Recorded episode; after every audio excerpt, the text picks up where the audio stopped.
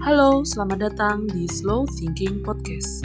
Menurut Daniel Kahneman, seorang ahli ekonomi perilaku, dalam buku Thinking Fast and Slow, manusia mempunyai dua sistem dalam dirinya untuk membuat keputusan. Sistem satu adalah cara membuat keputusan berdasarkan intuisi, naluriah yang sifatnya cepat dan otomatis, seperti ketika kita mengemudi atau ketika kita melihat orang yang marah. Kelebihan sistem satu, kita dapat menjawab dan berpikir dengan sangat cepat. Namun, kelemahannya, sistem satu ini rawan membuat kesalahan sistematis dalam mengambil keputusan.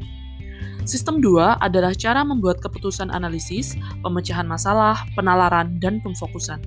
Kelebihan sistem 2 adalah kita dapat menjawab pertanyaan dengan tepat dan rasional.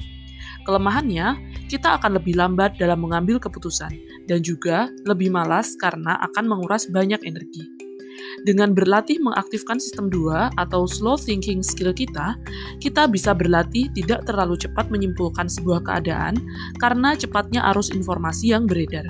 Terlebih, tidak semua informasi bisa dipercaya kebenarannya. Kita bisa berusaha melihatnya dari sisi yang lebih luas. Dalam podcast ini, saya akan berdiskusi dengan teman, kenalan, kerabat, para pakar dengan latar belakang yang beragam untuk membahas berbagai macam isu. Saya, Dinar Oktinur Satitah, selamat datang di Slow Thinking Podcast.